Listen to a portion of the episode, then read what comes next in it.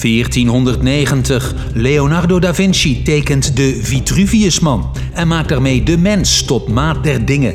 Bijna vijf eeuwen later bedenkt Alan Turing een experiment waarmee hij zich afvraagt of machines aan deze menselijke maat en vooral intelligentie kunnen voldoen.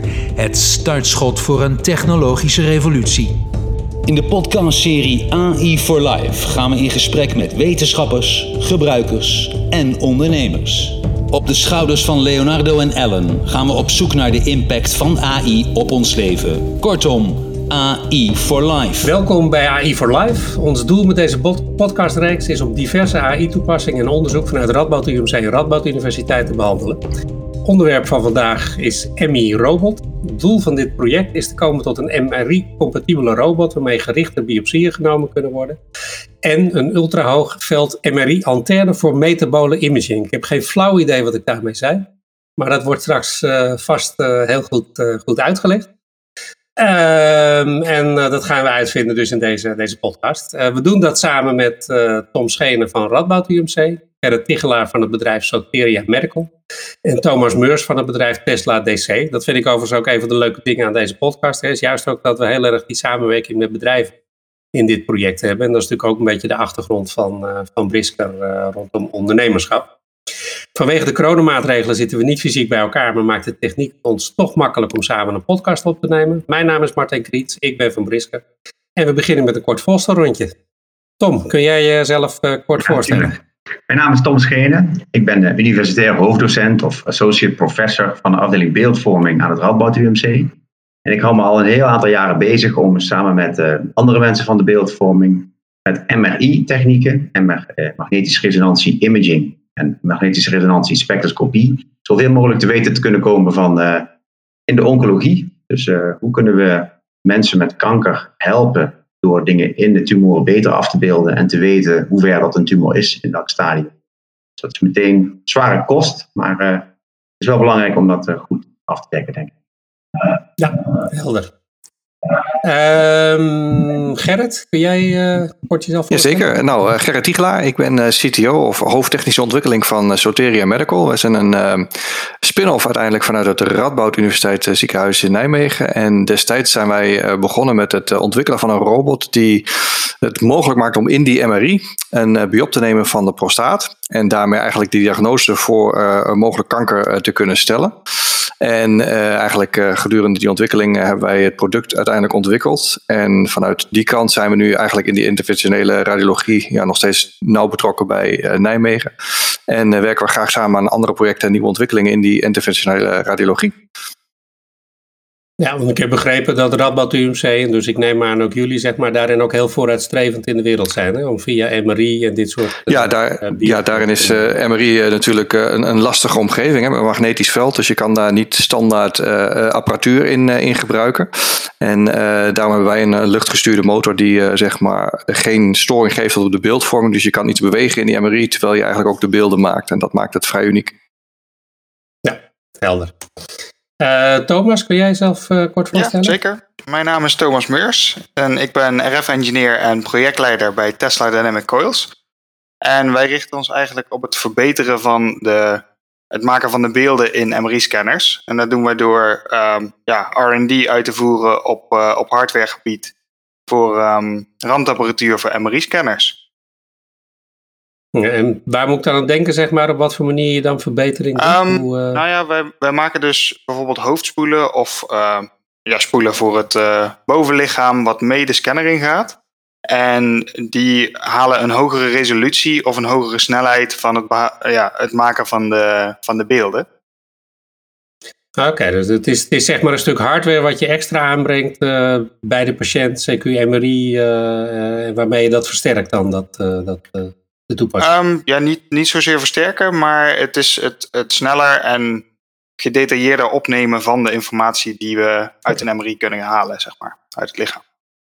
Ja, je noemt het randapparatuur, maar het is natuurlijk de apparatuur die zelfs rechtstreeks op de patiënt ligt. Hè? Ja, die werkt met radiogolven en jullie antennes liggen rechtstreeks op de patiënt, zodat je ze van zo dicht mogelijk bij een signaal kan maken en het ook van zo dicht mogelijk bij weer op kan pikken. Ja klopt inderdaad. Maar het heet officieel randapparatuur omdat we het in de scanner prikken. En, ja, ja, ja, Ja, en dat is niet iets, zeg maar, dat is echt een, een aanvulling voor een normale MRI-scanner. Dat wordt niet standaard bij. MRI-scanners Nee, dat klopt. eh. En zeker ook in, in dit project waar we het over gaan hebben. ehm, dat gebeurt op scanners waar ze in principe geen spoelen eh, beschikbaar hebben om klinisch ehm, die imaging te kunnen doen. Ja, het raakt meteen aan het unieke. We doen het op een veldsterkte, een magnetische veldsterkte die heel hoog is. En daar, zijn eigenlijk, daar bestaat eigenlijk geen standaard apparatuur voor. Dus alles wordt een beetje custom-made, moet dat gemaakt worden. Nou, ik ben heel blij dat TDC daar als eh, partner in kan werken, zodat zij degene zijn die dat ook bedrijfsmatig kunnen doen. En dat wij het niet zelf eh, hoeven te, nou, bijna hobbyen zou ik zeggen. En nu wordt het gewoon goed gedocumenteerd en heel netjes gedaan. Oké, prachtig. Nou, mooi. Ehm, ja, misschien om een beetje richting het onderwerp te, hè, dus het, eh, het project EMI Robot wat jullie aan het doen zijn. Ik zei al, hè, dat zinnetje over eh ultra hoogveld MRI-antenne voor metabole imaging. Weet ik begot niet wat ik vertel, zeg maar. Eh, Tom, kun jij wat meer uitleggen over het project en wat jullie in dat kader dan precies doen? Ja, de, achtergrond ligt toch ook weer in eerste instantie in de oncologie. Dus mensen, met, mensen met kanker hebben vaak uitzaaiingen. Soms niet, soms wel. Het hebben van die uitzaaiingen is een superbelangrijke stap om te weten eh, of dat je, welke behandeling dat je gaat geven aan, aan die patiënten. Nou, als je die uitzaaiing zo goed mogelijk wil zien, die vaak als eerst naar lymfekliertjes gaan, dan zul je die lymfekliertjes eerst heel goed in beeld moeten brengen. En daarnaast wil je eigenlijk van de, wat we dan noemen de primaire tumor, de, de eerste plek waar de tumor groeide, daarvan wil je weten of dat die tumor inderdaad op het punt staat om uit te zaaien of niet. Daarvoor hebben wij beeldvorming nodig die iets zegt over die tumor zelf. En we hebben beeldvorming nodig die iets zegt over de lymfekliertjes die eromheen liggen. Die, lim- die, die lymfekliertjes die gaan we proberen om op een eh, heel hoog magneetveld zo goed mogelijk in beeld te brengen. En als ons dat dan lukt, en dat gaat ons lukken, want daar krijgen we de, de goede apparatuur voor, eh, dan eh, komt de volgende stap en dan gaan we proberen om van die aangedane kliertjes of van die verdachte kliertjes, om te kijken of dat die inderdaad aangedaan zijn. Dus dan moeten wij onder MR geleide, dus onder geleide van de beeldvorming die wij doen, gaan we met een, eh, met een naald of met een happertje of met wat dan ook naar binnen bij de patiënt. Om te kijken of dat we dat precieze kliertje kunnen aanprikken of dat we er een markeringje bij kunnen zetten. Zodat of een chirurg of wij zelf daar meteen een biopje van kunnen nemen om te kijken of het weefsel inderdaad aangedaan is. En daar hebben we eigenlijk die, twee, eh, die combinatie van, eh, van beide dingen nodig. En mooie beeldvorming met een hele hoge resolutie om de klieren zo goed mogelijk te kunnen zien. Eh, en daarnaast, als we die dan kunnen zien, een manier om onderbeeldvormingsgeleide naar dat kliertje toe te gaan en er wat van te pakken. Ja, want zeg maar, die naald waar jullie het over hebben, dat is echt ook dan, da- daarmee neem je het biop, zeg maar, haal je naar buiten, zodat het bekeken kan gaan. eh. Je kan het op twee manieren doen. Je kan of inderdaad een naald pakken met aan het einde een, een soort van een, een, een happertje of een mogelijkheid om, om iets van een sampletje te nemen. Eh, je kan ook zeggen, met, met iets wat ik er naartoe breng, zet ik er een klein markertje bij, dat als later de patiënt geopereerd wordt, afhankelijk van in welk orgaan eh, dat je zit, dat de chirurg weet, oké, dit is het kliertje waar we op voorhand van zeiden, daar is iets mee mis. En dan komt hij met een markertje erbij, komt het eruit. Dus dat kan ook. En dat doen jullie op dit moment ook al, zeg maar, op deze manier? Eh, of staat het nog heel erg aan het begin van het? Dit is uniek. De manier waarop dat we het willen gaan doen, dat doet eigenlijk nog niemand. Normaal gesproken worden interventies op deze manier eigenlijk vooral vanuit de bloedvaten gedaan. Vaak wordt bijvoorbeeld een, een, een katheter vanuit de bloedbaan in de lies naar binnen gebracht. En daarmee kan een heel groot gedeelte van het lichaam bereikt worden. Maar lymfekliertjes liggen eigenlijk juist niet eh, in, dichtbij of in die bloedbaan. Die liggen eigenlijk in het vettige weefsel wat eromheen ligt. En als je überhaupt niet in die bloedbaan komt, maar vanuit het vettige weefsel begint, Ja. hoef je er ook niet doorheen. En kan je dus eigenlijk op een andere manier kijken of dat, eh, nou ja, lymfekliertjes, maar misschien zelfs ook andere onderdelen van het lichaam bereikbaar worden. Ja, en dat gaat over heel breed qua ziektebeelden, zeg maar, in kanker, waar dit voor, eh, voor werkzaam is, zeg maar. Want jullie doen natuurlijk heel veel rondom eh prostaatkankeroperaties, maar dit is veel breder dan alleen maar dat, begrijp ik. Ja, de toepassingen van, de- eigenlijk van, van, van de beide dingen, die, eh, van beide bedrijfsmatige inspanningen hier, ja, die zijn veel algemener. Wij gaan aan- een heel specifiek onderwerp hangen, omdat dat is waar wij eigenlijk heel ver in zijn qua onderzoek. Maar als, die straks, eh, als het straks werkt, dan zijn er veel meer toepassingen bedenkbaar voor, voor beide Ja. producten eigenlijk die hieruit rollen. En je hebt het dan over het algemeen over vroege fase waar dit dan gebruikt gaat worden? Of is dat ook, ook in latere fases bij kanker? Um, ook dat is natuurlijk erg afhankelijk van welk tumortype dat je het over hebt. Bij uh, prostaat, dat heeft stadia die relatief lang, relatief lang duurt voordat je van het ene naar het volgende stadium gaat. Dus dan kan het best lang duren voordat je mensen met een eindstadium überhaupt uh, bereikt. En dan uh, is dit stadium, zit eigenlijk ergens in het midden. Hè? De primaire tumor staat op het punt of heeft net uitgezaaid. Ja, dat is het punt waar wij wat van willen weten. Maar voordat mensen daadwerkelijk echt symptomen krijgen van prostaatkanker en daaraan overlijden, dan zijn we vaak misschien wel jaren verder. Andere tumoren kunnen veel sneller gaan en dan zou je veel sneller actie willen ondernemen. Helder. En als je dan kijkt naar zo'n traject, eh, waar liggen nu, en dan misschien zeker ook vanuit de bedrijvenkant, waar liggen de grote uitdagingen waar jullie in dit project aan gaan werken om dit mogelijk te maken? Ja, als ik dan kijk naar onze kant, uh, wat wij destijds gedaan hebben met het apparaat voor prostaatkanker, zeg maar, dus puur voor het uh, biopteren van de prostaat in de MRI, dan is er met name eigenlijk het, het ehm, ja, de beperkte ruimte in de MRI en, en het magnetisch veld. Dus om iets te bewegen, zeg maar, om iets te kunnen manipuleren eigenlijk in dat MRI-beeld. dat is gewoon een enorme uitdaging. Er is ook vrij weinig zeg maar, om mee te vergelijken of om van te kopiëren zeg maar, op die manier. Dus um, het apparaat dat we nu hebben staan, dat maakt het dus mogelijk om inderdaad zo vroeg mogelijk eigenlijk op basis van die MRI-beelden, waarin die afwijking wordt gedetecteerd eigenlijk. En dat is waar Nijmegen een, een vooraanstaande rol heeft, omdat die al heel vroeg bezig zijn met het weergeven van de prostaat. En eigenlijk op basis van die beelden, en dat is ook waar AI uiteindelijk in de toekomst denk ik een rol gaat spelen, kan aantonen van nou, dit zijn de verdachte plekken. Maar om daadwerkelijk te weten dat dat ook kanker is en welke eigenlijk vorm of kwaadaardigheid van kanker, moet je nog steeds dat monster nemen. En dat is waarom je dat biop nodig hebt. En dat geldt hetzelfde in dit project. Ja, er is niet een, een voorbeeld anders dan een katheter en een uh, katheterisatie, zeg maar, in een bloedbaan. Maar dan heb je eigenlijk een vooruitgestippelde uh, route die je kan nemen. En dan kan we een keer linksaf, rechtsaf, omdat daar een vertakking is. En wat Tom vertelt is, ja, in vetweefsel heb je gewoon ja, een, een een massa, zeg maar, die is uh, redelijk homogeen.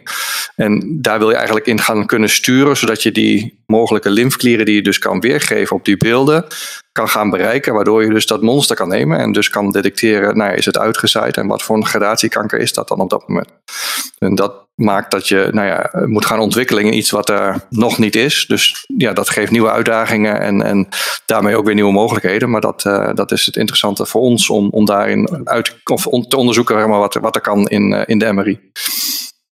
Ja, maar zeg maar, jullie doen op dit moment al hè, de, rondom prostaatkanker dat je die biopte kan nemen onder MRI-geleiding uh, met de naald. Zitten daar nou voor wat jullie nu gaan doen nog grote veranderingen, zeg maar? Eh, verdere ontwikkelingen van die technologie? Uh, nou, voor die technologie uh, in eerste instantie niet. Want we hebben zeg maar op dit moment een ja, manipulator, zoals wij het noemen, een instrumentenhouder die eigenlijk een hol buisje richt op de prostaat en daarmee eigenlijk vanuit de gebruiker richt op de plek die geïdentificeerd is om te biopteren.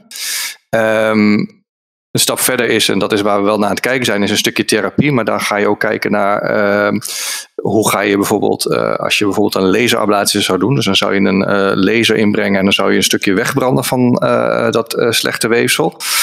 hoe ga je dat dan verdelen, zodat je geen vitale structuren raakt en daarmee ook het hele plekje behandelt, zodat je niet alsnog zeg maar een uitzaaiing of een vergroeiing krijgt van dat gebied.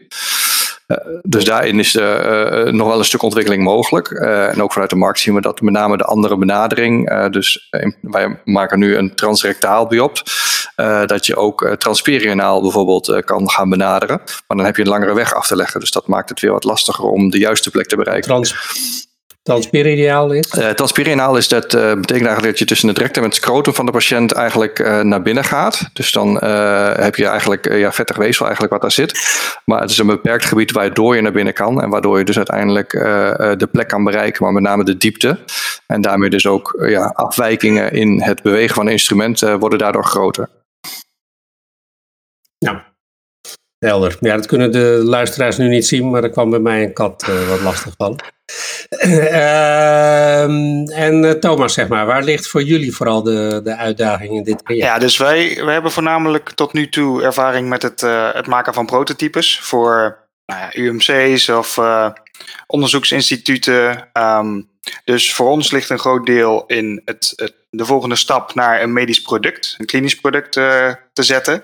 Ehm, maar deze, voor deze toepassing willen we ook ehm, de beeldvorming gaan combineren met spectroscopie.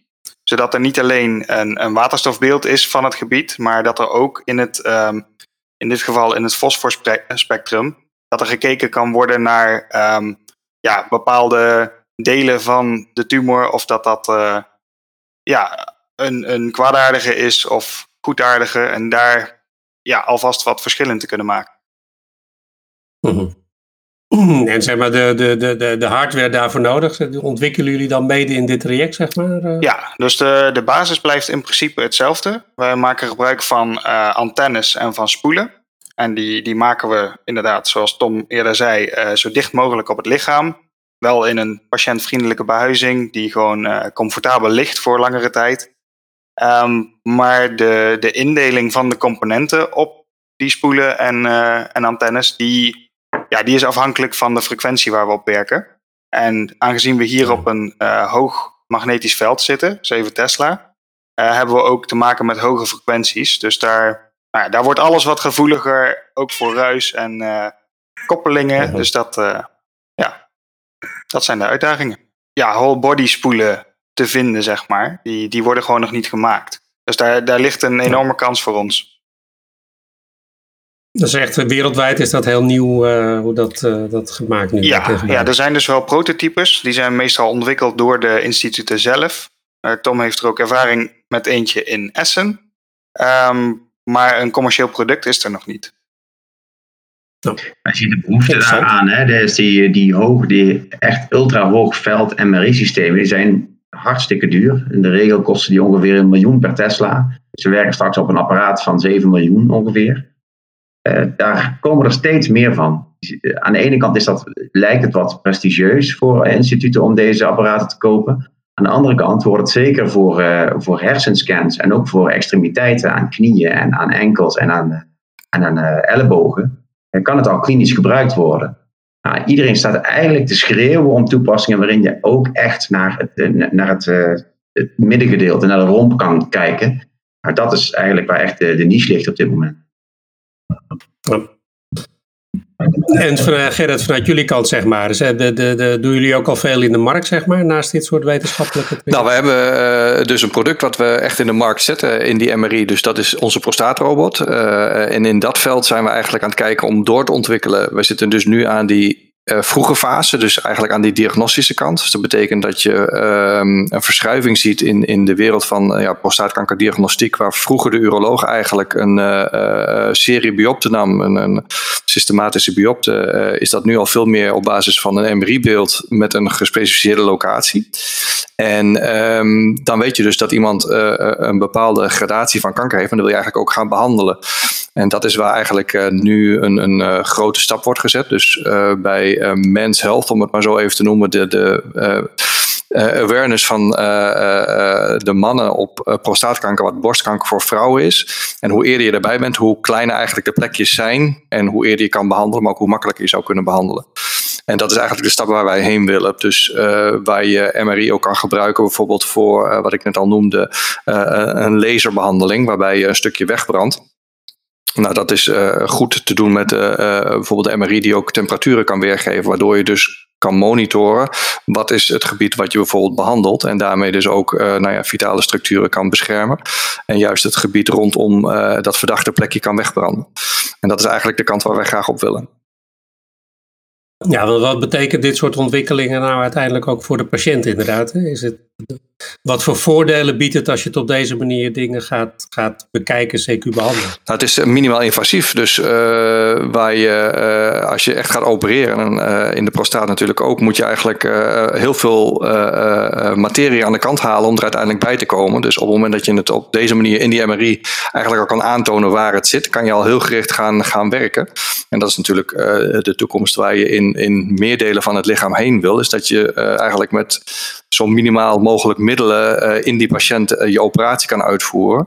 Of in dit geval een diagnose kan stellen. En dus kan kijken van oké, wat is dat plekje inderdaad wat we verwachten? En nou ja, kan je daar uiteindelijk dan ook weer gaan behandelen op diezelfde plek zonder dat je iemand helemaal hoeft open te snijden. die minimaal invasieve technieken die zijn super belangrijk voor de patiënt. Want uh, is in het verleden wel eens gezegd dat we binnen tien jaar kanker de wereld uit wilden hebben. Nou, dat, dat gaat waarschijnlijk toch niet lukken. Maar wat wel vaak lukt, is dat je van kanker een chronische ziekte maakt. En dat kan je doen door zo vroeg mogelijk erbij te zijn en zo vroeg mogelijk met een zo minimaal mogelijke behandeling eigenlijk de volgende stap van de behandeling, die voorheen veel sneller kwam, zo ver mogelijk uit te stellen. Dus die minimaal invasieve behandelingen die Gerrit beschrijft, die kan je doen. En je kan dan, als het voor de tijd dat het duurt, laat het twee, drie, misschien wel vijf, misschien wel tien jaar zijn, dan kan je alsnog beginnen met, die, uh, met het uithalen van de hele prostaat. Dat is niet verloren. Dus je hebt dan het moment waarop dat je die grote ingreep doet, dat heb je naar achteren geschoven. Exact. En zo gaat dat mogelijk ook voor andere tumoren spelen. Nou, en blijft het dan zeg maar op deze manier, blijft het natuurlijk zeg maar wel nog steeds een, een, een behandeling die je ook echt in de operatiekamer moet doen? Ja, met MRI en, en uh, of is het ook iets zeg maar wat, wat meer buiten het operatiekamer uh, kan gaan plaatsvinden? Als je het hebt over uh, de behandeling van de prostaat, waar ik, uh, waar ik net aan refereerde, dat is eigenlijk iets wat je dan in de MRI kan gaan doen, omdat je dus iemand niet specifiek openhaalt en daarmee dus andere dingen, zoals anesthesie, allemaal niet nodig hebt. Um, dus daarin zitten denk ik absoluut voordelen, want dan wordt het eigenlijk gewoon, nou ja, bij wijze van spreken, een soort van kijkoperatie. Hè? De patiënt die, die komt morgens in het ziekenhuis en er worden wat controles gedaan. Vervolgens wordt de procedure uitgevoerd en smiddags krijgt hij een kopje koffie en wordt er gecontroleerd of alles verder goed zit en kan hij weer naar huis. En ja, dat is natuurlijk een enorm voordeel in plaats van dat je een paar dagen op IC moet uh, gaan liggen voordat alles weer een beetje op de plek zit en alle gevolgen van dien. Dus dat is wat Tom terecht zegt. Dat, dat is het uitstellen eigenlijk van die, die zware operaties of zware behandelingen. Uh, en uh, hoe langer je dat, of hoe eerder je erbij bent, hoe langer je dat eigenlijk vooruit kan schuiven. Ja, nee, want dit is ook nog een stuk minder invasief, begrijp ik, dan bijvoorbeeld de laparoscopische operatie. Uh... Ja, ja, ja. ja, ja. Helder. Als jullie kijken dan de rol van AI, hè, deze serie gaat natuurlijk in principe over AI. Hè, waar denken jullie dat AI ook een hele belangrijke rol gaat spelen bij, uh, bij dit proces? Nou, AI is, uh, AI is belangrijk. Waarom is AI belangrijk? MRI wordt steeds beter. MRI kan met steeds hogere spatiële resolutie dingen onderscheiden met verschillende contrasten. En het wordt op een gegeven moment, gaan wij lymfekliertjes zien van uh, eh, 1 of 2 millimeter in grootte. En daarvan kunnen we er wel, misschien wel 100 hebben in, in het onderlichaam. Dus als we een radioloog vragen om al die lymfekliertjes één voor één te gaan zien, om te kijken of er wat meer aan de hand is, dan is dat natuurlijk een veel te grote klus. Daar zijn uh, al ontwikkelingen gaande om middels AI automatisch verdachte kliertjes op te laten komen. En alleen maar te vragen, bevestiging te vragen van een radioloog. Vind je deze ook verdacht omdat het systeem dat verdacht vindt of niet? Mhm. Dat, dat is een belangrijke plek. En een andere heel belangrijke plek is uh, sturen van een naald bijvoorbeeld door het vetweefsel wat we willen gaan doen. Dat is ook iets wat je, uh, eigenlijk, waar, je, waar je heel snel feedback wil van het systeem. Waar zit mijn naald en welke richting staat die op? in principe is MRI niet zo'n hele snelle techniek. En de postprocessing ervan, om het beeld te maken, dat is al helemaal niet zo snel. Dus als je een naaldgeleider hebt of een naald hebt met, daar, met daarop een klein markertje en je kan een AI-systeem leren om dat markertje te volgen, of twee markertjes te volgen waarmee je ook een richting aangeeft, krijg je heel snel feedback waar zit mijn naald en welke richting gaat die op. Zo kunnen wij middels AI supersnel, nou supersnel, in ieder geval real-time, uh, een naaldbeweging volgen en dus ook sturen naar de plek waar we willen. Ja. En in het volgen, waar gebruik, in het volgen, waar gebruik je dan AI voor? Uh, voor de snelle reconstructie van het beeld. En, uh, en hey, is, het is een naald in een lichaam, dat zit er op een bepaalde richting in. En om, de, om die richting zo snel mogelijk weer te geven, wil je eigenlijk drie orthogonale vlakken op die naald hebben. Vooral als die naald een beetje schuiner gaat, moet je natuurlijk het vlak aanpassen. En dat is, handmatig is dat bijna niet te doen. Dus daar zorgen we voor dat we met een, een paar markertjes op zo'n naald gaan kijken welke richting staat die op. En zodat, je, zodat het apparaat automatisch meedraait met de richting van, van die naald. Helder. Nou, als jullie nou, uh, beetje, jullie zijn natuurlijk met een, uh, een wetenschappelijk project bezig op het ogenblik. Als je nou een voorspelling zou moeten doen, waar leiden dit soort dingen nou toe voor over tien jaar, wat dat voor impact heeft op, op de gezondheidszorg? wat zijn dan de belangrijkste dingen die je daar, daaruit zou halen? Ja, dat is interessant. Wie, uh, wie durft? Nou, ik denk als, als ik kijk naar, uh, naar wat wij voor ogen hebben, maar ook wat je, wat je ziet gebeuren eigenlijk als, als ontwikkeling, is dat inderdaad um, uh, door die vroegere detectie eigenlijk uh, eerder dus mensen kan behandelen en daarmee minimaal invasief. en dus op plekken kan gaan komen waar je nou ja, voorheen eigenlijk het beeld niet bij had. Hè, waarvoor je iemand volledig open moest snijden om dan misschien iets weg te halen wat misschien iets was. Uh, en, en dan had je hem uiteindelijk dicht en dan gingen ze onderzoeken wat er uitgehaald was. En daar zat dan inderdaad misschien ergens een klein uh, deeltje bij. Dus ik denk dat uh, als je daarna gaat kijken, dat dat waar nou ja, een stukje beeldvorming heel erg goed bij gaat helpen. Maar ook inderdaad die, de manier waarop je toegang krijgt tot bepaalde delen van het lichaam. En of dat dan door aders heen is, zeg maar, midden in het lichaam of door vetweefsel met een andere toegang. Dat je daardoor die, ehm, de mogelijkheid geeft om nou, die diagnose te doen en dus ook heel snel te kunnen behandelen. Want op het moment dat je op zo'n plek kan komen en je weet dat het een kanker is, kan je natuurlijk ook gaan behandelen. En nou, die technieken ontwikkelen zich natuurlijk steeds, uh, steeds sneller op basis van die basis die er is om uh, het weer te geven. Ja, ik denk dat het heel, heel goed past in, een, uh, in de algehele trend om minder of later te opereren en te snijden je ziet toch duidelijk een trend dat we gaan proberen om of het moment van de chirurgie uit te stellen, of de chirurgie minimaler te maken. En een ander ding wat er heel belangrijk voor is, is een betere karakterisatie van die primaire tumor. Dat is ook waar, uh, waar TDC die spoel van maakt, waar ook dat die spectroscopie-component in zit. Als wij beter aan de hand van het metabolisme van die primaire tumor kunnen zeggen uh, of dat die agressief is of niet, dan hoeven we dat ook niet meer met een biop te doen. Dus het zou super mooi zijn als we over tien jaar niet per se meer ter bevestiging een biop nodig hebben. Als wij het op basis van beeldvorming, functionele beeldvorming en een metabolisme kunnen zeggen of dat het echt mis is, of liever nog, dat het eigenlijk niet zo erg mis is. En dat we dus best nog wel een tijd kunnen wachten met heel uh, agressieve actie te ondernemen. Ja, ik denk dat daarvoor uh, belangrijk is dat die spatiële resolutie, die gaat natuurlijk met de tijd uh, gaat die ook omhoog.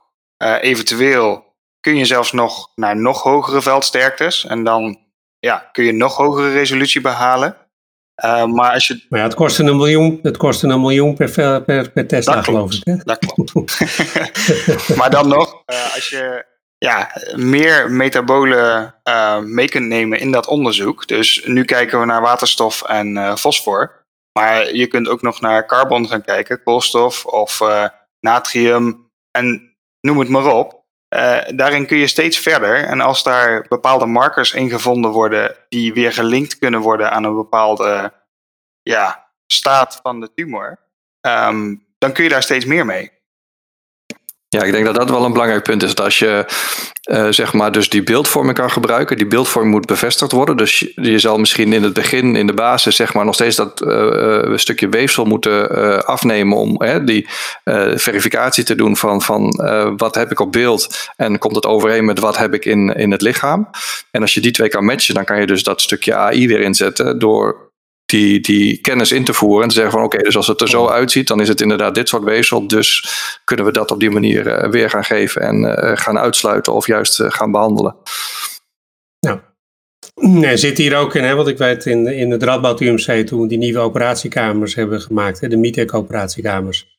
Hè, dat was toen in de tijd, ik werkte in die periode veel met Hein Gozen samen. Daar was het idee heel erg van toegaan naar eigenlijk alles binnen één dag kunnen af, handelen. Hè? Dus eh, de, de operatie, uh, de check of het inderdaad ook allemaal goed was gegaan en desnoods weer heroperatie. Zit dat hier ook heel erg in? Dat, doordat je zeg maar, zowel de diagnose voor een deel aan het doen bent als uh, de behandeling ook zo dicht mogelijk op elkaar kunt krijgen? Het is voor de patiënt natuurlijk verre het mooiste. Maar als je het naar de efficiëntie in een ziekenhuis bekijkt, is het natuurlijk heel moeilijk plannen als je tien patiënten op een rij hebt staan en je weet op voorhand niet hoeveel daarvan een verdere bewerking of een, een, een verdere diagnose of misschien zelfs iets van een behandeling moeten krijgen op dezelfde dag. We doen het inderdaad. Voor een aantal uh, ziektebeelden hebben we een soort van zo'n zo'n uh, op één dag de diagnose en ook het nemen van de biopte. En, en, dat is zeker voor de patiënt heel prettig, maar op, op dit moment is het wel zo dat dus mensen stand-by moeten hebben staan voor het geval dat. En in, dat is in moderne ziekenhuizen wordt dat natuurlijk minder gewaardeerd. Want eigenlijk wil je dat iedereen altijd uh, voltijds aan de bak gaat. Dus, dat, dus dat, ja, daar zit wel een, daar zit eigenlijk een, conflict van, van belangen. Hè. De patiënt wil graag snel en uitsluitsel en misschien zelfs al snel een kleine iets van een behandeling. En toch wil je ook de doktoren en alle mensen eromheen zo efficiënt mogelijk inzetten. Ik denk dat het ook daar een rol voor AI wel heel belangrijk is. Dat je snel kan weten dat je echt iets extra's moet doen of niet. Helder.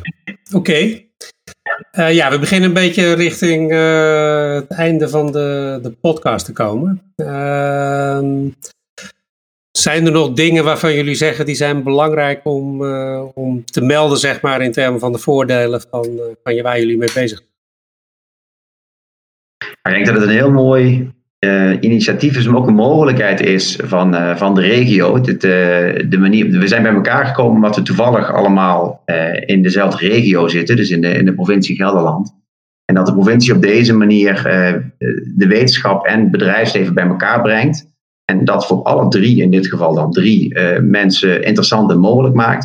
Dat is natuurlijk wel heel erg mooi. Dus dat, ik denk dat iedereen daar wel blij mee is dat het op deze manier kan. Ik denk dat we daar EFRO, dus initiatief wat dit dan uh, mogelijk heeft gemaakt, uh, voor kunnen bedanken. Zeker. En ik denk ook dat het mes aan meer kanten snijdt. Want als het inderdaad uh, de goede kant op gaat met de producten die hieruit volgen, dan schept het inderdaad ook weer werkgelegenheid en mooie nieuwe producten die straks de gezondheidszorg stap verder kunnen maken. Dus ja, dat is wel ja. een goede. Dat willen we allemaal. Nou, hartstikke mooi. Ik, uh, daar zijn we het eind gekomen van, uh, van deze podcast. Ik dank Tom, Gerrit en Thomas voor hun bijdrage. En uh, ja, met de besproken ontwikkelingen zetten we inderdaad weer een volgende mooie stap in het beter maken van de gezondheidszorg.